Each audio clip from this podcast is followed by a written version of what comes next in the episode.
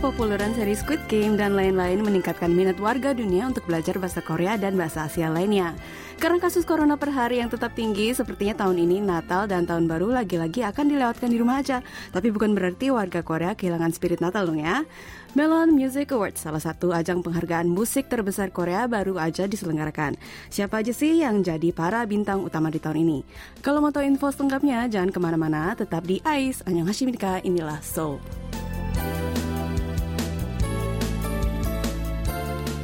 Soul. Annyeonghaseyo sahabat pendengar setia KBS World Radio. Kita kembali berjumpa dengan update kabar dan info seputar Korea Bersama saya Nikita Gusari di AIS edisi hari Rabu. Ah, Kita udah deket banget ya Dengan akhir tahun 2021 ini. Nggak tahu kenapa saya deg-degan banget nih pendengar. Biasanya kan kalau akhir tahun itu kita punya bayangan ya Tahun depan itu akan seperti apa kita mau ngapain aja, target apa aja yang harus kita capai dan lain-lain. Tapi akhir tahun ini nih, kayaknya pertama kalinya saya bener-bener kelulus akan seperti apa tahun depan. Ya, yang bisa kita lakukan itu ya live day by day aja ya. Tapi seiring waktu berlalu, entah apakah pandemi ini akan berlalu atau kita bisa menerima aja ya kehidupan bersama COVID, kita semua pasti bisa kembali ya mencari rutinitas dan stabilitas dalam kehidupan sehari-hari. Biarpun nggak seperti masa-masa pra-pandemi pun ya, setidaknya adalah hal-hal kecil yang makna dalam hidup kita yang bisa dipertahankan. Contohnya nih ya, seperti info pertama AIS yang akan saya bahas hari ini. Di awal bulan Desember ini kan kasus terkonfirmasi positif COVID-19 di Korea menembus rekor tertinggi pendengar, mencapai lebih dari angka 7.000 kasus dalam satu hari.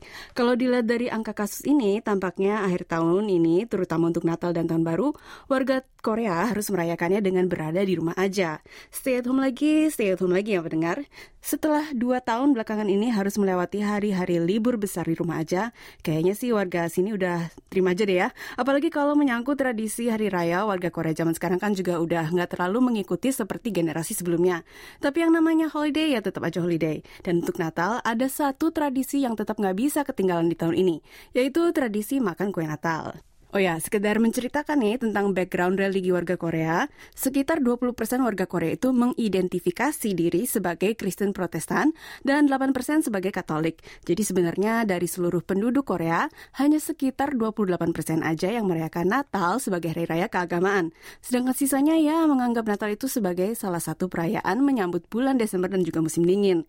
Kalau yang masih pacaran, biasanya malam Natal itu dilewati dengan ngedate atau nggak buat reunian dengan teman-teman dan kerabat dekat. Makan Christmas cake atau kue Natal menjadi bagian penting dan bahkan menjadi tradisi Natal di Korea. Wah, kayaknya ya, nggak hanya di Korea juga ya. Tapi intinya, untuk Korea, kue Natal itu bagian penting dari perayaan Natal. Jadi balik lagi ke topik info pertama kita tadi, meskipun lagi-lagi kami di sini harus melewati Natal dengan berada di rumah aja, memakan kue Natal tetap menjadi tradisi yang nggak boleh ketinggalan bagi warga Korea. Buktinya tanya aja ya sama salah satu franchise dessert cafe terkenal di Korea, Susum Place. Di akhir Oktober yang lalu mereka mengadakan survei dengan partisipan seribu pria dan wanita berusia antara 20 sampai 30-an tahun mengenai rencana Natal mereka. Hasilnya sekitar 48 persen berencana untuk melewatkan Natal dengan keluarga dekat, pacar, atau teman-teman dekat. Sementara 40 persen menjawab mereka akan melewatkan Natal sendirian di, di rumah aja. Tapi entah apakah mereka akan merayakan bersama kerabat ataupun sendirian, hampir 70% dari partisipan menjawab bahwa mereka wajib makan kue di saat Natal. Dan hampir 80% malah berencana untuk beli cake untuk Natal, baik langsung beli di tokonya ataupun pesan secara online. Wah, menarik banget ya. Kalau di Indonesia kan biasanya ada pepatah nih, makan gak makan asal kumpul. Tapi kalau di sini kebalik ya jadinya, ngumpul atau nggak ngumpul pun asalkan makan kue Natal. Kalau saya sendiri sih, mau Natal ataupun gak Natal, pasti ujung-ujungnya juga makan kue Natal guys. Kenapa? Karena ulang tahun saya cuma beda dua hari sama Natal. Jadi nggak ada kue lain yang dijual di toko-toko selain kue Natal. Ya akhirnya makan aja kue Natalnya. Kalau teman-teman pendengar gimana nih? Apakah kalian juga akan makan kue di hari Natal nanti? Sharing-sharing ya rencana kalian di komen YouTube kita.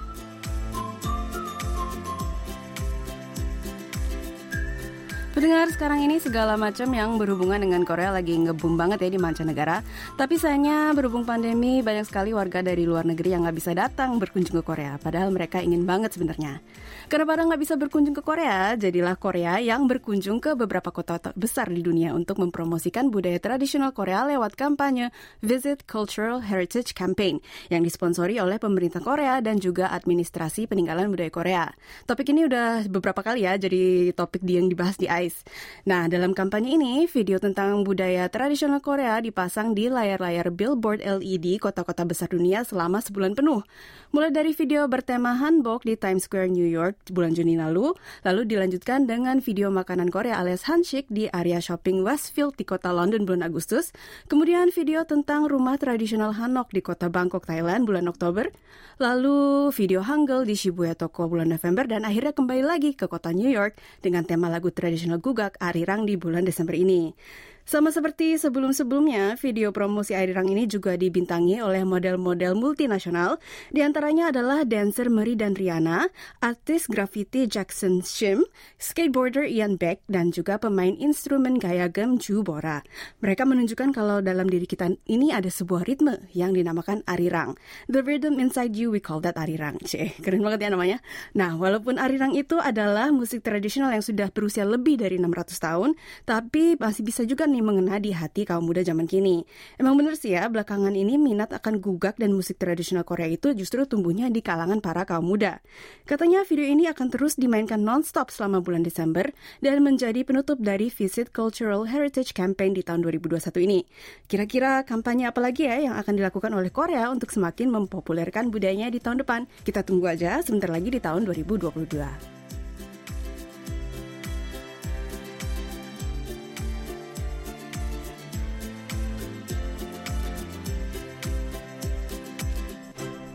Efek dari populernya konten-konten Korea seperti seri Netflix Squid Game dan lain-lain ternyata menciptakan efek positif untuk negara-negara Asia lainnya juga. Tanggal 4 Desember kemarin, sebuah surat kabar harian di Inggris, Guardian, melaporkan bahwa sejak meledaknya drama Squid Game di Inggris, terjadi peningkatan minat warga Inggris untuk mempelajari bahasa dari negara-negara Asia, termasuk Korea tentunya. Data ini didapat dari aplikasi belajar bahasa Duolingo, aplikasi belajar bahasa nomor satu di dunia.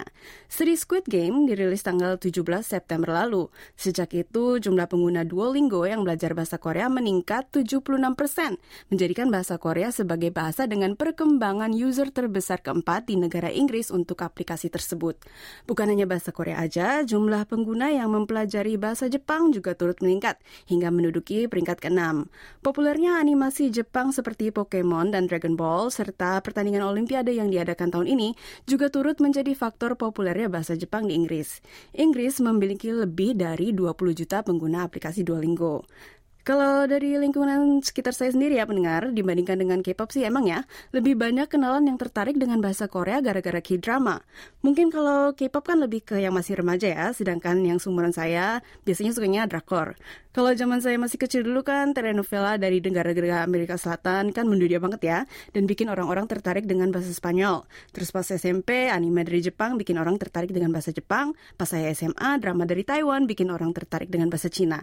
Nah drama-drama Korea itu sekarang ibaratnya seperti telenovela zaman sekarang ya.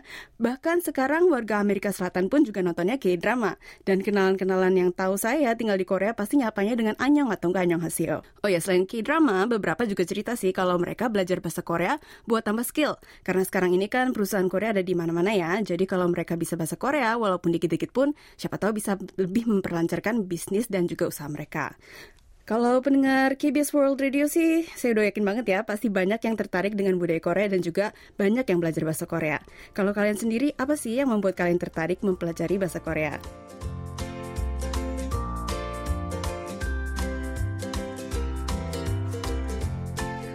Topik info selanjutnya adalah topik pembicaraan favorit saya nih pendengar, makanan. Apalagi makanan yang lagi viral. Wah pokoknya di masa pandemi ini yang ada di pikiran saya tuh isinya makanan dulu deh. Sarapan apa ya, makan siang apa ya, terus makan malamnya apa juga ya, terus cemilannya apa juga ya, pokoknya nggak berhenti-berhenti deh. Terus setiap kali ada makanan yang viral di Korea pasti saya pengen nyobain. Dalgona udah, croissant waffle juga udah, kupcang juga ah, itu pokoknya setiap minggu udah saya makan deh. Pokoknya udah dicobain semua. Makanya badan gak heran ya kalau badan kita tuh menggelembung selama pandemi ini. Tapi ada satu makanan viral di Korea yang belum sempat saya coba nih, yaitu roti kentang dari Chuncheon. Nama kafenya yang tempat jual roti ini adalah kamjapat yang artinya ladang kentang. Di sini berbagai macam roti hingga keke terbuat dari bahan kentang. Pemilik kafe kamjapat masih muda loh mendengar untuk ukuran pemilik kafe yang sukses ya. Namanya adalah I Miso. Dia kelahiran tahun 91 yang berarti tahun ini dia pas banget ya umurnya 30 tahun. Pas ditanya apa yang membuat dia terinspirasi untuk membuat roti kentang, ternyata sejarahnya juga lumayan panjang dan menarik nih. Imiso adalah anak seorang petani kentang di Chuncheon. Setelah lulus kuliah, Imiso sempat bekerja di sebuah perusahaan desain. Tapi karena dibesarkan di perkebunan kentang, Imiso ingin melakukan sesuatu yang berhubungan dengan kentang hasil perkebunan kebanggaan provinsi asalnya Kangwon-do. Kentang itu adalah salah satu bahan makanan yang pokok banget di Korea dan digunakan di berbagai macam resep makanan Korea. Karena itu, walaupun Korea berlimpah dengan kentang, harganya kurang kompetitif, apalagi kalau dibandingkan dengan kentang-kentang impor yang harganya lebih murah. Dari sinilah Lee Miso mendapatkan ide untuk membuat berbagai produk dari kentang yang hanya bisa ditemukan di daerah asalnya yaitu Chuncheon. Jadilah kafe Kamjabat dengan roti kentangnya yang viral ini. Tapi sebenarnya apa sih sih rahasianya roti kentang ini bisa jadi viral? Udah pasti karena rasanya yang enak ya. Tapi kata ini so, sebenarnya membuat roti kentang itu nggak membutuhkan resep yang begitu spesial. Kalau merebus kentang dengan suhu yang tinggi hingga airnya sat, kentang yang tersisa rasanya akan menjadi lebih manis. Dan dari bahan inilah dia membuat berbagai macam roti kentang. Tapi sebenarnya kalau bahannya simple, seharusnya roti kentang dari mana pun juga bisa jadi viral kan? Nah, di sinilah kita bisa belajar betapa pentingnya branding dan juga marketing. Tadi kan saya udah cerita ya, kalau Imiso itu pernah bekerja di perusahaan desain. Nah, dengan background desainnya ini, Imiso membuat logo berbentuk karakter kentang yang imut banget sehingga orang-orang yang ngeliat langsung jadi penasaran. Ini apa ya? Di bagian depan kafenya pun juga nggak tercantum loh nama Kamjabat. Cuman ada gambar kartun kentang tadi itu. Mau tahu berapa omset yang Imiso dapatkan dari jualan roti kentang ini setiap tahunnya? Yaitu 100 ok won. Kalau kita sebutnya 10 miliar won. Wah, bisa beli kira-kira mungkin 5 apartemen ya yang lumayan besar di kota Seoul.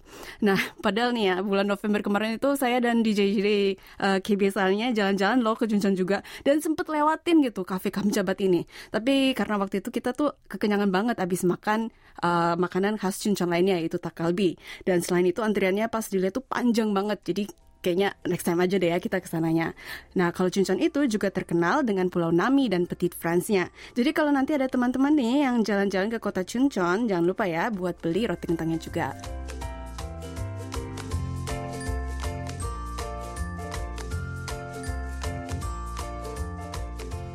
Nah sekarang kita sampai ke info terakhir AIS hari ini Yang kemarin ini belum sempat-sempat kita bahas ya Karena tiap hari pasti ada aja berita K-pop penting yang harus dibahas Nah kali ini kita akan bahas tentang MMA Melon Music Awards 2021 Salah satu ajang penghargaan musik terbesar di Korea yang diselenggarakan tanggal 4 Desember kemarin Bintang utama dari MMA kali ini nggak lain adalah siapa lagi ya kalau bukan BTS dan juga IU yang menang besar di tahun ini.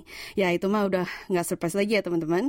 IU memenangkan total 5 penghargaan, Artist of the Year, Album of the Year, Best Female Solo, Songwriter Award, dan Top 10 Awards.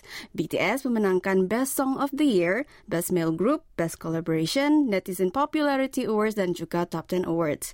Record of the Year dimenangkan oleh girl group aespa yang juga memenangkan tiga penghargaan lainnya yaitu Rookie of the Year, Best Female Group, dan juga Top 10 Awards. Artis lainnya yang juga meraih penghargaan Top 10 adalah Lee Little Boy, Im Yong-ung, Haize, Angmu, Ash Island, dan NCT Dream.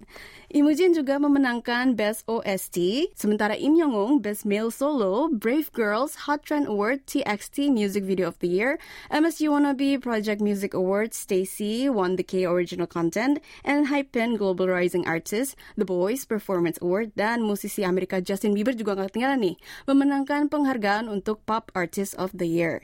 MMA juga dimeriahkan dengan performance dari beberapa nomini seperti IU, Im Young-ung, MSG Wannabe, Brave Girls, TXT, Stacy, and Hypen, dan juga The Boys. Sayangnya ya, BTS nggak bisa hadir secara langsung dalam awards ini karena mereka baru aja balik dari Amrik dan mesti karantina. Tapi selamat ya untuk para pemenang MMA tahun ini, yang pasti bikin kita antisipasi lagi ya dengan penghargaan-penghargaan lainnya yang ada di akhir tahun ini.